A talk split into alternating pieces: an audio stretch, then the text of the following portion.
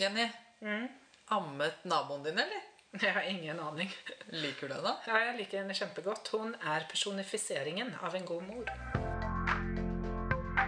Du lytter nå til Jordmorpodden, en podkast om alt mellom himmel og helvete. Her skal du få klar tale, kjerringråd, vi skal ha fagdiskusjoner, og vi skal dele erfaringer og opplevelser.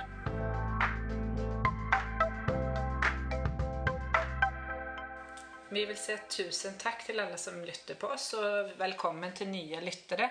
Det har vært helt supert året 2020, og vi håper at 2021 blir bedre. Like bra, i hvert fall. Ja. Eh, Vi sitter i dag i Jannikes kjøk, og her er det høyt under taket. ja. Det er litt annet her òg. Ja, mye rare greier som beveger seg. Eh, vi skal i dag snakke om hva som er bra med amming og morsmelk. Og så skal vi innom eh, noe som heter ammepress. Eh, og Et press man kan føle på når man ikke får eh, Det blir som man har tenkt seg. ja, Mm. Og vi har jo noen gjester med oss. det har vi. Og de har vi hatt med oss før også. Det er Kine og Victoria. Velkommen hit til oss igjen. Tusen takk. Det er så hyggelig at dere vil komme hit til oss, og vi setter så eh, pris på eh, at dere vil dele litt av kunnskapen deres med oss og med lytterne våre. Da. Vi er jo eh, fire stykker, ganske mange her i studio. Vi prøver ikke å prate i munnen på hverandre hele tiden. Det er jo jeg ganske dårlig på, egentlig, som avbryter. Men vi er tre jordmødre og en barnepleier, og hun er også ammehjelper. Men vi er også mammaer alle sammen, da. Så vi sitter på mye erfaring her. Eh, og Jeg vet fortsatt ikke om eh, alle har ammet deres eh, barn. Nei, men jeg syns jo kanskje at Victoria og Kine er jo ganske ålreite uansett om de ammer eller ikke. Men Victoria, hvorfor burde vi egentlig gi morsmelk til barna våre? Eh, Vi vet jo at den melken en mor lager i brystene sine, er tilpassa akkurat det barnet hun føder. Og det gjelder jo alle næringsstoffer, alt innhold i melken er tilpassa akkurat ditt barn. Sånn er det med alle andre pattedyr òg. Ja. Musemammaer lager musemelk, og elefantmammaer lager elefantmelk. Som er tilpassa elefantbabyer. Men det var, nu när du sier pattedyr så hadde min, min dotter hadde en lekse i- dag, Ja. som sa 'Hvorfor er vi pattedyr? Og da sto det de tre det er at vi, vi er barnen mjölk. Det var ett. Ja. Och sen var det också att de flesta pattedyr har hår. Oi, Ja. Men det har vi också. det har vi også. Ikke like mye som de andre, riktignok. Unnskyld, det var altså en bisak. Men ja, pattedyr er vi. Vi gir barnet mat. Ja. Ja. Så vi har tilpasset eh, morsmelk, eller altså melk, til det vi føder. Ja. Ja. Så skulle vi føde litt for tidlig, så vil melken tilpasse seg det barnet og gi det premature barnet de næringsstoffene det trenger. da, Det for tidlig fødte barnet. ja, for hva er det egentlig som er i den råmelken? Er det fett og proteiner og Du, Den råmelken den er ganske unik. Den eh, inneholder eh, spesielt eh, mye næring og antistoffer som det nyfødte barnet trenger, og det som de har behov for de første dagene. Ja. Og vi vet jo, dere er jo inne på dyrenes verden og pattedyrene. De har vi vært innom før. Og der er de jo helt avhengige av å få i seg den råmelken fra eh, mammaen sin ganske fort for å faktisk overleve. For å overleve? Ja, Oi. dyrene. Ja. ja. de sånn. Det er spennende med pattedyr. Men det er jo også sånn at eh, råmelken til eh, menneskene den inneholder jo store doser med antistoffer. Eh, Og dette er viktig, for den legger seg som en sånn beskyttende hinne på barnets tarm. Sånn at den holder unna en del av disse slemme bakteriene, og dermed også kan forhindre en del eh, infeksjonssykdommer hos det nyfødte barnet. Også senere i livet. Og så er det jo også sånn at den råmelken den fungerer litt som en sånt avføringsmiddel. For det hjelper barna å bli kvitt denne bæsjen som heter bek. Som de også har hatt i tarmene i, gjennom svangerskapet. Eh, råmelken er ju, eh, den ser litt forskjellig ut fra ulike personer. Iblant kan den være helt blank til at den er helt gul. Men den er altså gylne dråper. Den är väl guld Ja. Når kommer den råmelken egentlig? Ja? Det er jo veldig forskjellig. Eh, Noen opplever at den kommer ganske tidlig i svangerskapet. Og da er det ikke alltid man skjønner helt hva det er. Det kan være litt sånn væske som lekker fra brystene. At man kan våkne, og så henger nattøyet fast i, i puppen. Ja. og det er ofte det vi kaller råmelk. Og Ja. så kommer de og forteller det på kontroll, så blir vi kjempeglade, for vi syns det er veldig fint. eh, og det er egentlig et godt tegn på at brystene utvikler seg i graviditeten. da, Sånn som de skal. Brystet skal gjennom masse utvikling fra å være et ikke-melkeproduserende bryst til å bli en melkefabrikk. Og den prosessen begynner allerede i svangerskapet. Fascinerende. Men det er jo ikke alle som lekker råmelk i svangerskapet. Det Nei, og det betyr jo ikke at man ja, og- Så det betyr jo ikke at man ikke får melk eh, til å amme barnet sitt Nei. allikevel. Nei, Melken ikke. kommer i gang etter at babyen er født. Og det er det som er viktig å nevne også når vi snakker om dette her, at det er jo, alle er jo forskjellige, og ting skjer på forskjellig tid. Så man må ikke tenke at hvis ikke dette har skjedd med meg, så får ikke jeg til lammingen, eller ja. Man må huske at eh, vi er forskjellige. Ja, Og att eh, normalen, det har vi sagt så mange ganger, normalen er så stor. Ja. Att eh, det, man behøver ikke tenke så, nei, hva med meg? Eller hvorfor ikke Nei. Eh, Men antistoffer, det har vi hørt mye om i dagen. Og antistoffer i, morsmelk også. Gjør det da att eh, man blir litt beskytta mot infektion eller sjukdom eh, i begynnelsen av livet? Ja, vi vet hvert fall at den råmelken inneholder veldig mye antistoffer. um, og ekstra mye næring. Sånn at eh, selv om det ikke er så store mengder, så er det akkurat det som barnet trenger disse første dagene. Babyen har jo en liten magesekk, men eh, barnet skal die ofte og få bryst så mye som, som man har lyst til.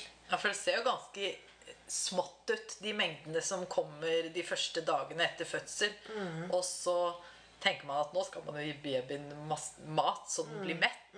Og så kommer vi helsepersonell kanskje hjelper til med å, å vise hvordan man håndmelker ut fordi babyen ikke klarer å suge, og så får, man, får vi ut et par, tre, dråper fire dråper, og så sier vi 'jippi, bra jobba, mor', og dette blir babyen din så glad for.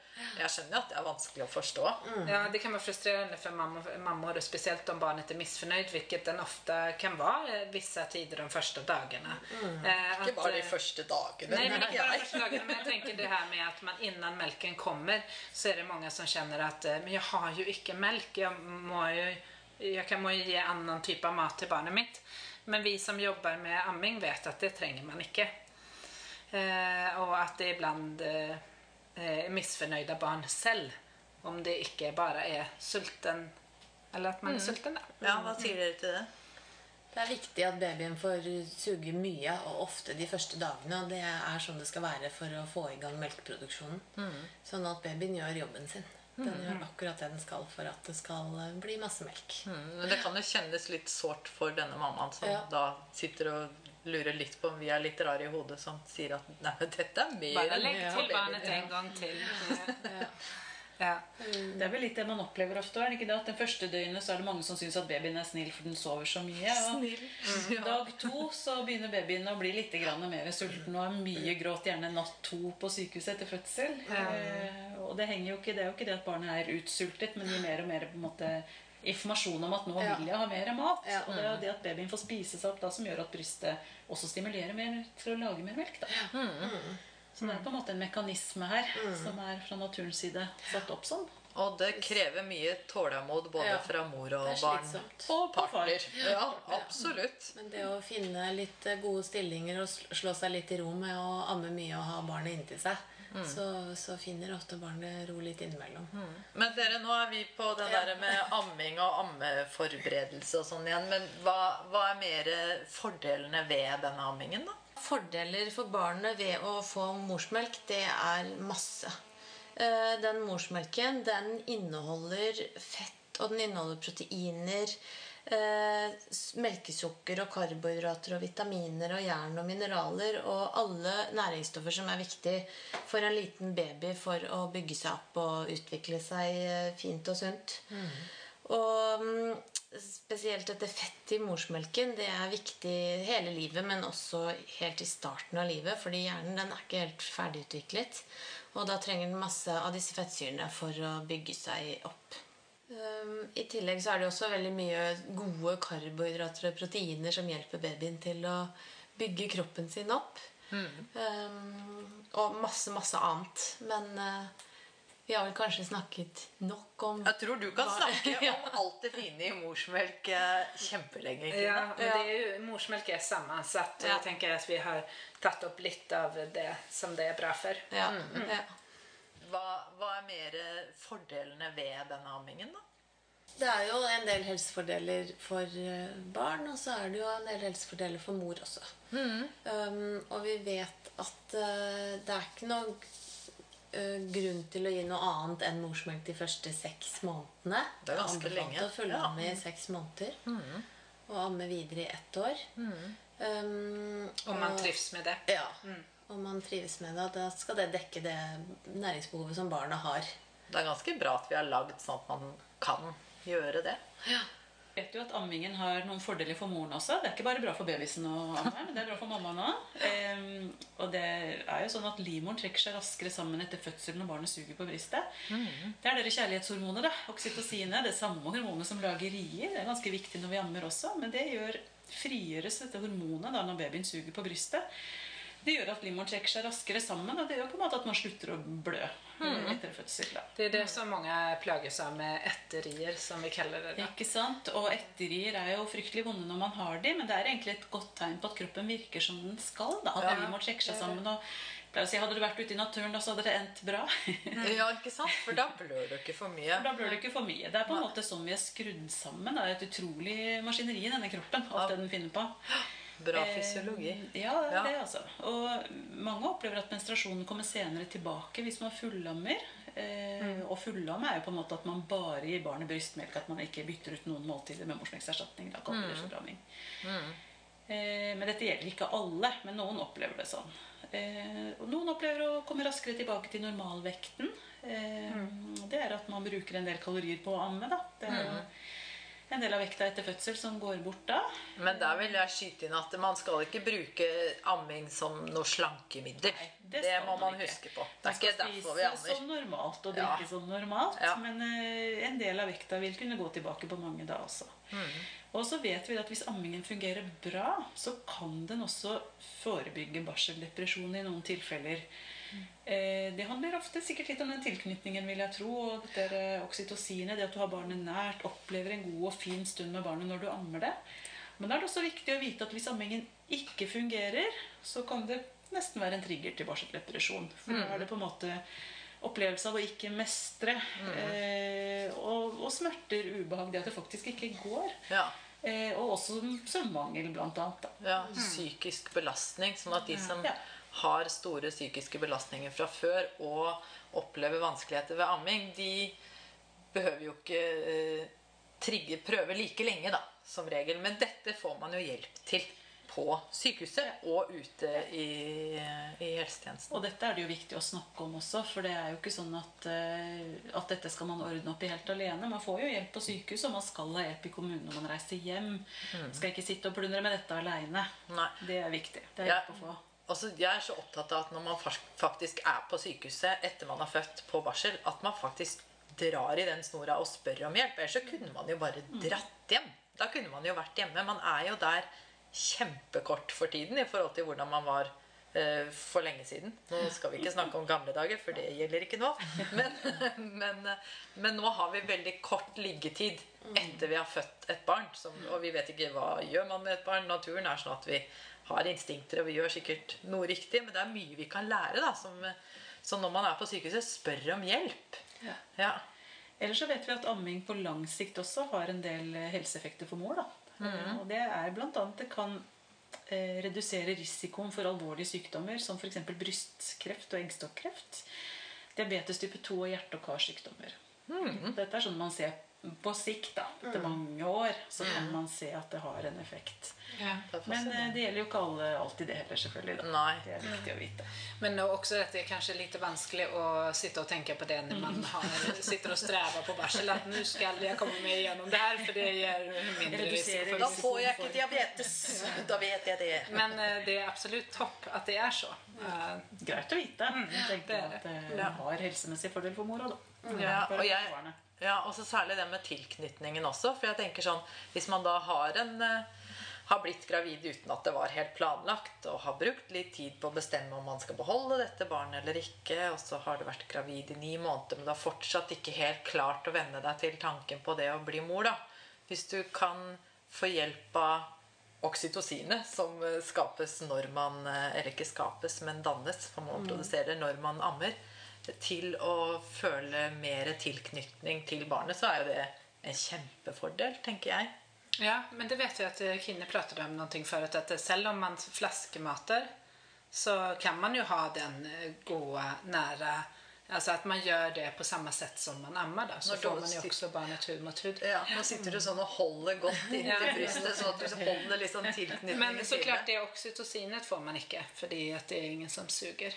Det gir vel litt sånn oksytocinstimulering Ja, hud. Ja, Ja. det også. Det gjør det. Det gjør det. Råmelken var, Jeg har jo en historie fra när jeg var med på et sexio at eh, Da klarte jeg faktisk å håndmelke ut ti 10 milliliter råmelk ur den mor bare efter noen timer. Wow. Og det var, Jeg sto stod og hoppet, og hun skjønte kände ingenting. Hun bare Ok. det var, det, den, den var helt knallgul. Men vi måtte jo fryse inn noe for babyen trengte ikke alt det med en gang. Men eh, det var veldig fint. Jeg møtte Jenny med stjerner i øynene. Ja, ja, ja. ja, ja, Med, med gulldråpene. Ja. Det var bra. ja.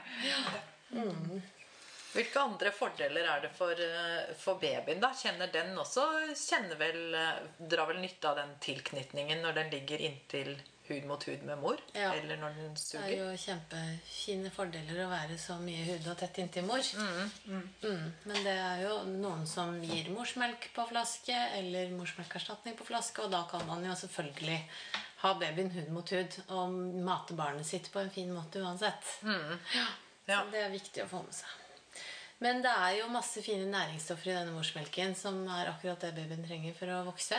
Um, det gir jo en infeksjonsbeskyttelse og også, også mange komponenter som er gunstige for å utvikle immunsystemet. Ja.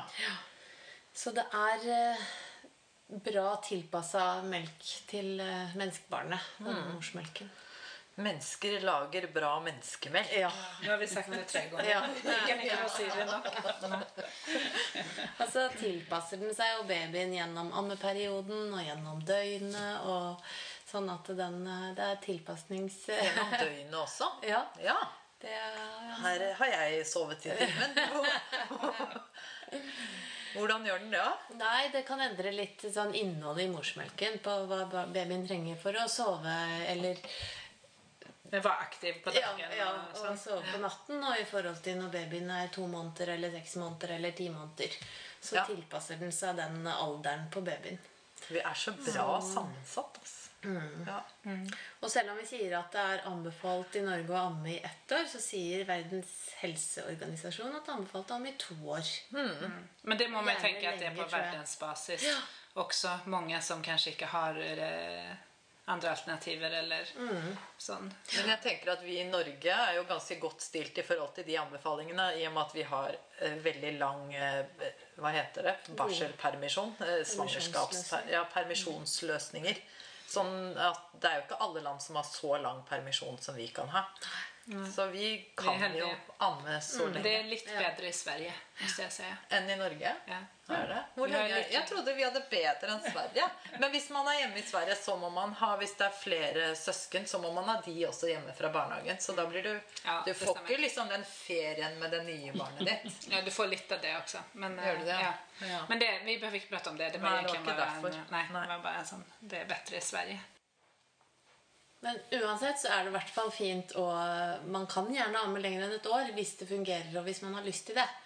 Eh, morsmelken den eh, tilpasser seg barnet som vokser, og eh, barnet får masse antistoffer eh, etter et år også.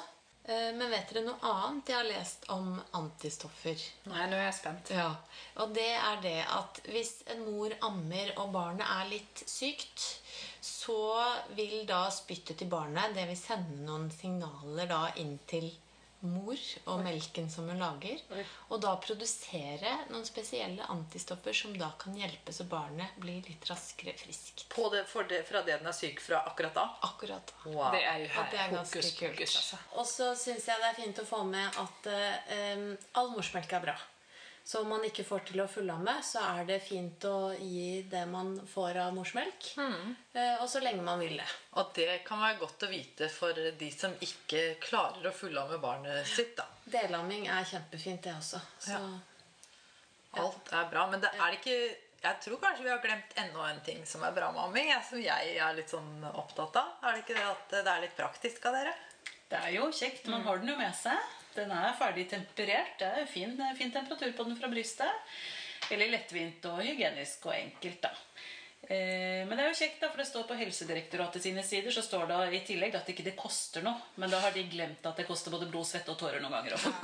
Det er jeg helt enig i. Det, har vi, det, har vi, det er vi vitner til. Ja, det er vi vitner til, altså. Men det er også veldig mange ganger det går bra. Ja. Det er jo innsatsen som det koster mest, kanskje. Det er en del innsats man skal legge ned i det. Ja. Men det at det er praktisk, det må vi liksom Det er jo faktisk veldig mye lettere når du har et sultent barn, å plukke det opp og få lov til å gi det en klem samtidig som du gir det mat, istedenfor at den ligger og gråter, og så må man fikse mat på annen måte, og så gi den mat. Da Da kan man jo selvfølgelig være litt mer organisert enn eh, Jannicke. og ha det litt eh, sånn planlagt i forkant. Men jeg vet at jeg syns det var veldig praktisk. Ja. Og så kan vi kanskje få med at noen syns det er hyggelig og fint Ja. å gi barnet sitt mat og amme også. Ja. Det er det jo ganske mange som syns. Selv om noen syns det er slitsomt og også, så er det Det var et innlegg på Facebook i går med en eh, jeg tror det er en britisk jordmor som har skrevet en bok som heter et eller annet veldig bra om amming. Husker ikke hva den heter. Nei. Eh, Men hun skrev akkurat at hun hadde spurt 'Hvorfor ammer du barnet ditt?' Og så Ja. var det liksom det første svaret var fordi jeg hadde det mat, selvfølgelig. Men det var så mange flere svar. Eh, Det var for å ha en kosestund, for å være sammen med det, for å trøste det, for å få det til å sove. Så man bruker ikke nødvendigvis ammingen bare som mat heller. ikke sant? At ammingen er så mye mer enn mat. da. Ja. Det er ikke bare spisingen og næringen, men det er, er så mange flere momenter. Jeg kan huske at jeg brukte det masse til soving. Fordi den der bevegelsen når du har barnet på puppen, og så bøyer du deg ned over sengen sånn. Og så liksom prøver du å legge babyen ned, og så sniker du liksom puppen ut for å se om den fortsatt sover. Og så, så det Jeg tror det skjer mange ganger med første barnet i alle fall, at man holder på sånne tipptapper. Og... Ja. Det gjorde det med alle. Og når man kjørte bil, lange bilturer også Herregud, sitte baki der med puppen sånn inn i munnen på babyen. Og det er det som kalles självregulering. da. att de får bestämma själv när de har lust. Jag Man Många har ju lust hela tiden känns det som. Mm. Jeg kunne jo brukt smokk også, jeg da, kanskje. Jeg vet ikke. Så må man jo være mer organisert. Da. Jeg har tvillinger, og har fullammet tvillinger. Det var en opplevelse i seg selv. Ja. Eh, Men da var det så komplisert å få satt seg opp på amme noen ganger. da. Så der hadde vi avtale, jeg og mannen min, da, at eh, når jeg skulle amme de om natten, så måtte jeg sitte i sofaen i stua med ammepute og full pakke. Eh, Og så var avtalen at jeg skulle ringe og vekke han, og han skulle komme og hjelpe meg, for jeg klarte ikke å reise meg opp igjen sjøl. Og da opplevde jeg ringte, og han tok jo aldri den telefonen. Og det var rart, for han satt i naborommet og lå og.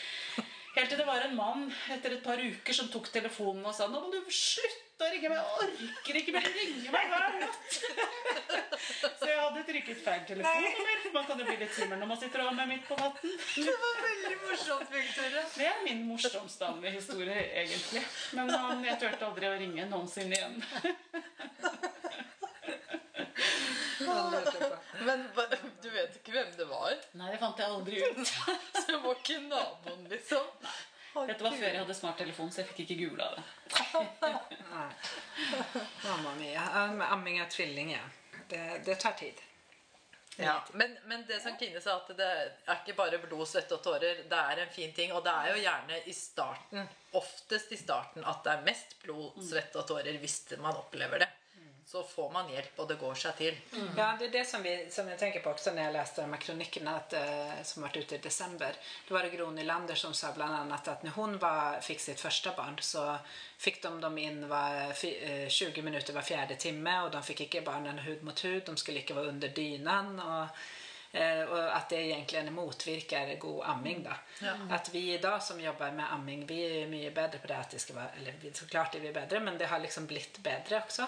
Eh, Man har funnet ut at hud mot hud stimulerer till amming og at det- skal det selvregulering. og självreglering. Och, Vi jobber jo i prinsippet også etter et system. For det er jo i noen av de kronikkene så har det vært snakket om det med mor-barn-vennlig sykehus. Eller uvennlig, som noen kaller det. da. Ja. Ja. Eh, og det er rett og slett et system som er satt i gang for at vi som hjelper de som skal amme, vi skal være utdannet, vi skal gå kurs, vi skal ha masse veiledning i hvordan vi veileder i amming. Eh, sånn at vi kan gi best mulig informasjon, og den skal være riktig ut fra hva, hva det er forsket på, rett og slett. da, Hva som er bra, og, og hvorfor vi skal gjøre som vi gjør. Eh, Og det er viktig. Så det at man er på et mor-barn-vennlig sykehus, det er at det sykehuset har personale som skal legge til rette for å gi deg mulighet til å få til amminga hvis det er det du vil. Ja. Ja. Og hvis du ikke vil, så skal de jo også Legge til rette for det. til rette for det og gi deg kunnskap om det. Rett og slett hjelpe deg å, å gi barnet ditt på en måte som du ønsker. da, Mat på den måten. følger jo da ti trinn til mor-barn-vennlig standard. Og det eh, De trinnene er jo ikke noen som har funnet opp. Dette er noe som er forsket på, som Ja. vi vet er det beste for å få til ammingen. Og, og noen av de trinnene, eller et av de trinnene er jo ikke gi morsmelkerstatning hvis det ikke er en medisinsk grunn til å gi det. Um, og det er jo kanskje det ikke alle føler som er så mor-barn-vennlig når man er på dag to og babyen krever å suge mye og være inntil. Og det vet jo vi at det er veldig viktig for melkeproduksjonen. Og vi vet også at det ikke er gunstig å gi morsmelkerstatning, men at eh, man bare skal amme hvis det er det man ønsker. Ja, exakt. Og det, det tror jeg også er viktig at, man, at vi sier at det er ikke sånn at det er for at vi vil pina noen, eller det er for at vi vet faktisk at det går seg til i løpet av noen mm. dager. Men at vi også forstår at det er vanskelig å sitte der som mor og si at ja, men den er jo sulten, jeg har ikke melk, for at man ikke ser noen synlig melk direkte, kanskje bare noen dråper.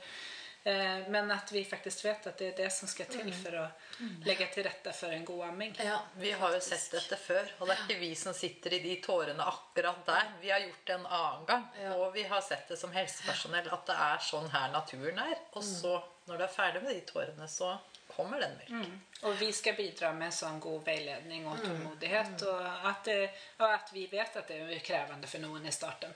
Absolut. Mm. Men det som kan være litt fint, er jo at man kanskje har lest litt om hva mor-barnvennlig standard er, og hvorfor vi følger de trinnene, og hvorfor vi gir den informasjonen vi gir. Og hvis man kanskje vet, leser om det i svangerskapet, så er det lettere å forstå det når man sitter midt oppi det, enn å få Absolutt. førsteinformasjonen akkurat der og da. Ja. Så er det jo sånn at vi på helsestasjonen vi skal jo også, eh, vi er på en måte kan gå inn i litt av de samme prinsippene og være en ammekyndig helsestasjon. Og det krever av oss ganske mye i forhold til hvordan vi skal hjelpe de som skal få barna forberede seg på ammingen. Eh, og der er det nok ganske mye mer jobbing som kan gjøres. da. Ja. Eh, også på å legge det fram på en måte som gjør at det, at det går an å sette seg inn i det tidlig. da. ja. Ja, og at det ikke, som vi har snakket om i en tidligere episode, det kommer som et sjokk. At det ikke kommer helt naturlig og lett for alle. Ja, At man er forberedt på det. Og så er jo et av punktene i retningslinjene er jo rett og slett å informere om mor-barn-vennlig sykehus. Så man skal jo få den informasjonen i svangerskapet. Jo, og også det at vi som helsepersonell må gi nok informasjon så at mödrarna kan ta et informert valg. Det er akkurat det vi gjør. Vi presser jo ingen til noen. Og jeg tror at vi som helsepersonell på en barselavdeling kjenner nesten Vi er nesten de som kjenner mest på det. Hvis vi skal kalle noe for ammepress, så er det kanskje vi som kjenner mest på det. For vi også ønsker jo så innmari for mor og barn og for hele familien at de skal få til denne ammingen. Så vi kjenner jo masse på det presset. Og, og vi eh, kjenner jo kanskje også på det når vi sier at vi er fornøyde med at eh, babyen har fått noen dråper eh, råmelk, da.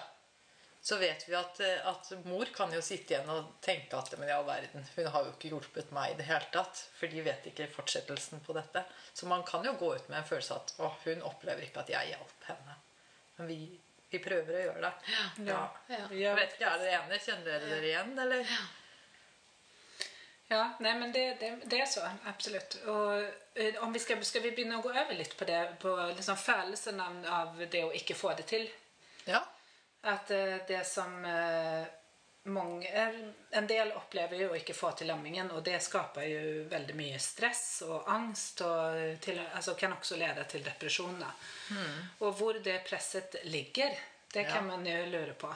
Det var jo en sånn undersøkelse de gjorde i 2016 och då var det bara 5% faktiskt som sa att det presset kom från hälsopersonell. Ja. Jag blir lite glad att läsa sådana saker. Då. Så eh, ligger det presset hos i samfundet, det där med att eh, det är så förvänta av oss att vi skal amma eller kanskje alle i familjen har ammet, alltså nätverket Svigermor runt sier at omkring. du burde gjøre det. Med din svigermor. Jag må möta din svigermor. eh, eller er det, er det hos kvinnorna själv det, liksom att, det, att man sier at det å amma er en, då är man en god mor? Da må skal jeg si en ting til som du blir irritert av. er at eh, Du kan jo ta helt til naturen, da. ikke sant? At dyrene de ammer sine barn. Eller elefanten spiser av elefantmoren. helt nytt. Vi eh, er jo eh, født og lagd til at vi skal amme de vi føder. Eh, så det eh, forventningen til kroppen ligger jo alle, er vi jo medfødt.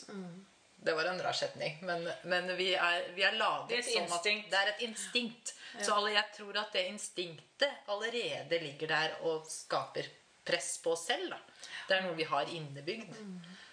Hvis du drar det helt ned dit. Men så er det jo miljøet og alt dette rundt som også påvirker det. Men forventninger, ja. Ja, hadde du noen press til deg selv når du ammet eh, Kine? Altså, jeg hadde le... Nå vet jo ikke du om jeg ammet eller ikke, da. Ikke alle barna sier det. Jeg vet at du ammet ett. Men, eh, men eh, jeg følte nok veldig sterkt på det presset selv, tror jeg. Jeg tror jeg på en måte Jeg hadde lest om hva som var best. Jeg hadde lest eh, mye Gro Nylander. Jeg liker hennes bøker veldig godt. Ja. Og da hadde jeg lest om hvordan babyen skulle krabbe og finne frem til brystet, og at, eh, at det var det beste både for meg og babyen. Um, men jeg støtte på litt problemer, og det var ganske tøft. Jeg kjenner meg veldig godt igjen i de kvinnene som sitter og, og sliter og strever og ikke får det helt til. Og jeg vet ikke om jeg opplevde nok ikke helt å få den hjelpen jeg skulle ønske jeg fikk fra helsepersonell. Og det er det nok mange som også kan kjenne på. Det er kort liggetid på sykehus. Eh, Nå har det jo vært korona i tillegg. ikke sant? Det er, det er eh, Mange der sitter nok hjemme litt alene og strever. Mm. Og det syns jeg er trist. At eh, kvinner ikke skal få til ammingen fordi de ikke får den hjelpen de bør få. Ja, det er det. Men då, du mener da at det presset kommer ifrån dem selv? At man, at man tenker så? Eh, Jag, jag tror nämligen att eh, det, det där som vi snackade om med ammeförberedelse, att det är så många som tänker att amming är något som kommer naturligt hos en. Att de inte förbereder sig, inte tänker att det ska bli vanskligt. Och då blir det ännu mer. I en sårbar situation så blir det ekstra vanskelig. Altså man er ekstra sårbar når man har født et barn. Ja, De to dagene etter fødsel der, altså, Det er ikke mye man skal si feil for at det blir helt kjelleren for noen. Nei, exakt. Og, da, og det, er så, det er så unødvendig Eller det blir en, ikke unødvendig, det blir en dårlig spiral at eh, hvis man ikke får det til på en gang som man hadde tenkt seg, så blir man stressa, og vi vet jo at stresshormoner hemmer enda mer den melkeproduksjonen. Eh, og at, det da, at man redan der er inne i en dårlig eh, gange. Da. Men vi jobber jo helhetlig, vi som helsepersonell, så vi prøver å se hele mennesket og se hva man sliter med. Og uh, ammingen Ok, man skal få til ammingen, men vi vet jo Hvis du tar en fødsel og sammenligner med en fødsel, og man har uh, forventninger og en plan Vi skal aldri ha planer i fødsel, men vi har tenkt til at man skal føde vaginalt. Noen ganger så funker ikke det. Noen ganger så går det ikke. Og da har vi heldigvis keisersnitt. Og det er litt det samme med ammingen. Vi hjelper til hele veien for at man skal lykkes. Men heldigvis så får man det ikke til, så har vi andre måter å gi barnet mat på. Det er ingen barn som sulter på norske sykehus. Eller når de kommer hjem, da. Man får hjelp til begge deler. Man får hjelp til begge deler. Og vi har alternativer. Bra, bra alternativer har vi. Ja, sånn at vi, vi prøver ikke å hjelpe Man skal ikke føle press av at vi hjelper dem, men vi vil at de skal ende Ja, hvis man, ønsker, hvis man ønsker å amme. Ja. Vi snakket litt her innan, innan vi startet innspillingen at eh, hva gjør vi med dem som faktisk kommer med brev eh, til jordmor om at jeg har, jeg har bestemt meg at jeg ikke skal amme. Hva er det vi må si til de? Altså, vi må jo gi dem noen informasjon også. Jeg tenker jo at de kanskje de som kommer og har bestemt seg i forkant, antageligvis, forhåpentligvis, har fått den informasjonen eh, i svangerskapet og snakket med noen da. Det er ikke alltid like lett å komme inn på sykehuset eh, og informere masse om morsmelkens fordeler hvis mor allerede har bestemt seg for å ikke amme. Nei, Men det er viktig å snakke med, med denne mammaen om eh, om hun ønsker å snakke noe mer om amming og fortelle litt om hva som naturlig kommer til å skje i kroppen uansett. For det kan jo sette i gang altså Produksjonen kommer i gang, og man må gi litt informasjon om hvordan hun skal matte barnet sitt, og hvordan hun skal håndtere det. Eh, og det, er vi absolutt, eh, det skal vi absolutt gjøre på lik linje. De skal også få god og riktig informasjon. Tenker at Det viktigste er nesten å være litt nysgjerrig. ikke sant? Det kan hende hun har snakket med en fastlege om ikke vil om, ham, eller en jordmor. Det vet man jo egentlig ikke på forhånd. Nei. Så når man treffes på sykehuset da, så er det viktig å det blir så fort tabu hvis ikke vi tør å snakke om det heller. da. Så det er viktig å være litt nysgjerrig bare uten at det skal oppleves som et press for den som blir spurt. da. Så man spør jo ikke fordi man skal overtale noen til å ha lyst til å amme likevel. Man kan spørre Jeg ser det står at du ikke har tenkt å amme. Hva, hva er tankene dine rundt det? Eh, og på en måte stille litt åpent og nysgjerrig inn i den samtalen. da. For hvis ikke vi snakker det, og ikke de snakker om det, så, så blir det en veldig sånn stiv og rar eh, opplevelse for alle, vil jeg tro. Ja, og Ja. Kanskje, kanskje denne mammaen som da har bestemt seg for ikke å amme, har bestemt seg for det uten å ha fått den informasjonen hun trenger for å ta denne avgjørelsen. Så det er jo det som vi som helsepersonell eh, er pliktig til. Å gi informasjon sånn at man kan ta et informativt valg. Det er jo, det vi, det er jo derfor vi er nysgjerrige på hvorfor de ikke vil amme. For vi vil forsikre oss om at de har fått riktig informasjon. Så lenge ikke det blir en sånn sjekkliste. da. Ikke altså, jeg skal bare sjekke ut nå. Hun sa hun ikke ville, så nå har jeg sjekket ut òg. Det er derfor du må være nysgjerrig. Ja. For å høre Trå litt varsomt fram. Trå litt varsomt men vær nysgjerrig Ja. og, og interessert. Oppriktig interessert, interessert, egentlig. Hva, hva tenker du nå? Ikke bare stille spørsmålet for å tikke av, ja, sånn som du Ja, sier. det tror jeg også. Men jeg, jeg, jag upplever att det ofte liksom blir en sånn forbindelse mellom det å fremme amming og tale godt om amming og liksom ja, positiv til det til at vi typ da dolker noen i ryggen som ikke har lyst til å amme eller ikke får det till eller noe sånt. Men det er jo aldri vår mening. Vi må fremme amming. Vi vil fremme amming fordi at vi er helsepersonell. Og, og, og, fordi vi vet jo, men att det er det beste. også som vi, ja, for vi, det er anbefalt og vi vet at det er det beste for barnet. Eh, så det handler jo ikke om at, vi, at noen syns noe annet om de som ikke velger å amme. Nei, Absolutt ikke. Så er det store spørsmålet er egentlig spiller det noen rolle hvor det presset kommer fra. For det føles kanskje like intenst uansett. da. Om det kommer fra meg eller fra deg eller fra en selv. på en måte. For presset er jo like ubehagelig uansett hvor det kommer fra. Ja, Eh, ja, Det er litt greit å være obs på og, og snakke litt om det også. Ja, og så tror jeg det er viktig bare det at hvis man kjenner på et press, så må man få anerkjennelse for den opplevelsen. Det er jo det det handler om, egentlig. For hvis man kjenner et press, så må man jo bli trodd på det. Og hvis man ikke blir trodd på det, da øker jo det presset, og kanskje en følelse av at jeg er feil eller mislykket. Jeg gjør ikke sånn som Vi liker å være en del av noe stort. ikke sant? Jeg gjør ikke sånn som mengden gjør. Hva er det med meg som er galt? Og det kan jo være en dårlig greie. Ja, og det er jo fint at, at eh, en del som kjente personer og sånt går frem og sier at jeg, jeg har valgt flaskmating. Og, altså for det å kjenne seg igjen eller eh, få en opplevelse av at vi er flera. Det er jo kjempefint. Men, og det, men det er bare det at det ikke inte, det er ikke så mange som går frem i, i avisen sier «Ja, jeg er... Ja, ammer! Altså, for det tør man nesten ikke. for du? Men Det er liksom det er sånn fin balanse i det der, og hvem som blir provosert av hva. Mm. jeg. Mm. det å være, bli provosert av noe, det blir vi jo i samfunnet hele tiden. Eh, og det er jo egentlig en positiv greie, selv om det høres negativt ut å bli provosert. Men når man blir provosert av noe, så gjør det jo at man reflekterer over ting. da. Og at Så- man engasjerer seg og blir interessert. Ja.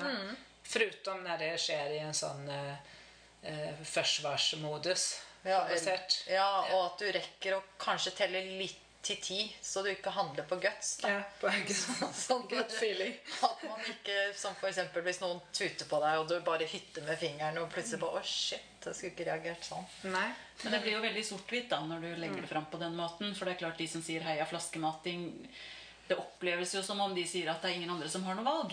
Eh, For det, det blir alltid så sort-hvitt når man reagerer med en, en sånn sint respons på slikt. da.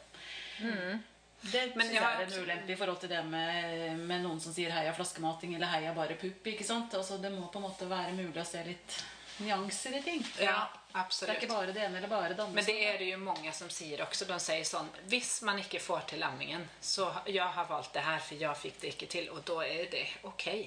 Ja, det er det, og det syns vi òg. Men jeg tror det har, er litt sånn flink pike-syndromet her også, eller? At vi liksom skal få til det som er forventet av oss. Så det, og da ligger jo, sånn som du kjente på, Kine, det presset ligger jo hos deg selv, da. Mm. Men det er jo klart at det er jo skapt av ting man erfarer rundt seg i miljøet. Sosiale medier er jo helt voldsomt for tiden. Da. Bilder med vellykkede ammende mødre på flotte puter og eh, Ja. Det synet man har på omgjeng, er jo alltid farget av hvem man kjenner fra før. Det er farget av din mors erfaring, hvis du fått spurt om det. Eh, Venninnene dine. Du, har du bare venninner som ikke har fått til ammingen, så tror du at amming er kjempevanskelig, og at det ikke er noe for deg heller. Har du bare venninner som har fått det til, så er det kjempeoverraskelse hvis man ikke får det til selv. Har du søsken som ikke har fått melk, så tenker du automatisk til at da får ikke jeg melk heller, for vi er søsken. Eh, men det er jo det som er så interessant. Så ammingen er farget av det rundt deg helt til du får mer informasjon som er reell informasjon. da. Faginformasjon, rett og slett, om det med amming. For det, er, eh, det farges alltid av de du har rundt deg før du har noe egenerfaring eller har lest eh, fag. Hmm. og så er det jo noe med at eh, noen du får, de du får hjelp av ute Folk du får hjelp av, da. Noen sier ting som treffer deg, og som du tror på. Og sånn kan det jo være med ting du leser i media òg. Hvis det er noen mennesker med autoritet, eller noen du respekterer veldig, som sier at Heia flaskemating, legg bort puppen, liksom. Så kanskje du Ja, går det for den, da? Men da er det jo så viktig at vi som helsepersonell får gitt riktig informasjon, sånn at man får tatt riktige valg. Da. Og få riktig hjelp. Ja, Ikke ikke, minst minst For etterpå det er jo derfor det er spesielt sårt, dette her.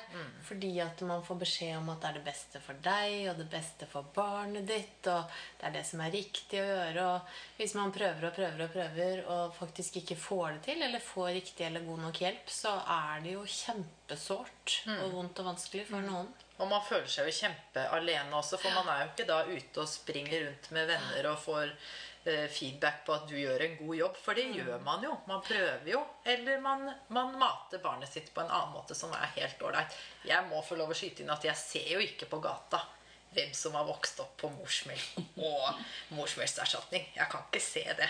Nei, det er klart man ikke kan se. Men jeg tenker at vi, vi kan ikke slutte å fremme amming bare fordi at noen ikke kan amme. Det er precis som å si at vi skal ikke fremme og trimme når, bare fordi ikke alle kan trimme. Nei, Vi, vi, vi må bare fortsette Ja. med det. Og amming er viktig. Det har mange positive fordeler for både mor og barn. Eh, Men det er helt ok om man ikke får det til også. Og også, bare man får veiledning og hjelp når man trenger det. Og så er det jo viktig, syns jeg, å vite at når man reiser hjem fra barsel, så er det ikke slutt på ammehjelpen der. Det må vi vite at i 2021 så har vi bedre tilbud enn som så i Norge. Ja, Ammehjelpen sine sider. Ammehjelpen sine sider. Og så er det jo, Men vi kan få fysisk hjelp også. For når man reiser hjem fra sykehuset, så kan man, får man jo tilbud om å få jordmor på besøk etter et par dager. Der har vi jo god hjelp. Eller kan vi gi god hjelp? Vi håper man møter på folk som har god ammekunnskap på disse hjemmebesøkene. Og så blir man jo videre og fulgt opp av helsesykepleier, som også er ammekyndige. ammekyndige. Stadig flere kommuner også starter jo opp med ekstra ammestøtte, mm. ammehjelp, etter hjemreise fra barsel. For man ser at det er et økende behov. Eh, hvor man kan få hjelp og veiledning og støtte uansett hvilket valg man ender med. Da. Ja. så tenker jeg at eh, vi kvinner og mødre vi er, kan støtte og hjelpe hverandre enda bedre i dette samfunnet. Og ja Bidra til at alt er bra og alt er greit. Og man gjør så godt man kan uansett. Ja, Det er det man gjør. Nå sier jeg enda en ting, Jenny. Og det er at det er liksom Det er ikke noen sin skyld hvis man ikke får til den ammingen. For dette er ikke vi som Dette er ikke utenfor vår kontroll, men det er naturen som kanskje ikke passer sammen, så man ikke får det til. da. Så det er ikke din skyld hvis du ikke får til å fullamme barnet ditt. Nei, du er fortsatt en like god mor. Men vi har noe som kan hjelpe til å legge babyen veldig godt inntil deg for å eh, fremme en god ammestilling. da. Ja, det er jo, Ammestilling vet vi er viktig. Nå vi, skal vi gjøre litt reklame for vår sponsor BB Hugme. Eh, deras ammepute. Ja, den er fin. Ja, det er jo noen som har med den på barsel også. Ja, det er det. Og den er jo fin selv om, enten om du skal legge babyen til puppen, eller om du skal gi babyen flaske. Ja, den kan gi god støtte. Eh, vi har sett den i mange ulike stillinger. I tilbakelent stilling og i vanlig tradisjonell ammestilling Og i tvillingstilling. Ja. Veldig fin. Ja, fin med trekk som kan vaskes. Så det er bare å ta den med. Ta den med på barsel. Og bruk den hjemme. Den er faktisk litt fin å ha i, i sofaen nå. For den har så mange fine trekk. Vi, eh, tiden går fort når man har det roligt. ja, det kan Så du si. vi må, vi må tenke på refrengen og eh, si takk til Kine og Victoria som har kommet hit til oss i dag. Ja, det var helt supert at dere ville stille opp eh, en gang til. Jeg tror jeg har en episode til på lur jeg, som jeg har tenkt til å spørre dere om. Men den skal vi ikke ta med nå. Vi får se. Men så har vi også på slutet lyst til å si litt om Ammehjelpen. Ammehjelpen er jo et frivillig tiltak eh, der eh, Ammehjelperne som jobber der, eh, jobber frivillig på sin egen fritid. Så de har ikke noe Og derfor er de avhengige av at man gir bidrag eller kjøper det produkter i deres nettbutikk. Det er en veldig fin nettbutikk. Så hvis ni trenger noe, ta en titt der, for all vinst går til eh, Ammehjelpen. Kine er ammehjelpen. Super. Jeg er ammehjelper, og da får jeg skyte inn litt da på slutten. Eh, Vi er jo en frivillig organisasjon, og vi har veldig gode artikler på nettsiden. Og så er det en åpen Facebook-side, Instagram og en lukka Facebook-gruppe for mødre og helsepersonell. Og mange fine filmer. Ja, mange fine filmer. Men uh, hovedpoenget er eh, støttende ord fra mor til mor. Altså det er Ja. egentlig bare støtte. Om du skal uh, fullamme eller delamme eller slutte å eller hva det er, så er det å støtte hverandre i dette samfunnet. Det var veldig fine sluttord, tykker jeg. Ja. Ja. Støttende ord fra mor til mor. men jeg må, nå skal nå bli enda lengre avslutning. Jenny. Vi vil jo at hvis dere sitter med tanker, spørsmål, innspill til alt vi har snakket om her i dag, så kom med tilbakemeldinger til oss på Jannik og Jenny at jordmorpodden.no eller på Instagram eller Facebook, sånn at vi kan hjelpe dere. Og særlig hvis dere sliter. Og søk hjelp ute i kommunen eller på sykehuset, og ring hvis mora er på barsel. Ja. Takk for i dag, da, dere. Velkommen tilbake.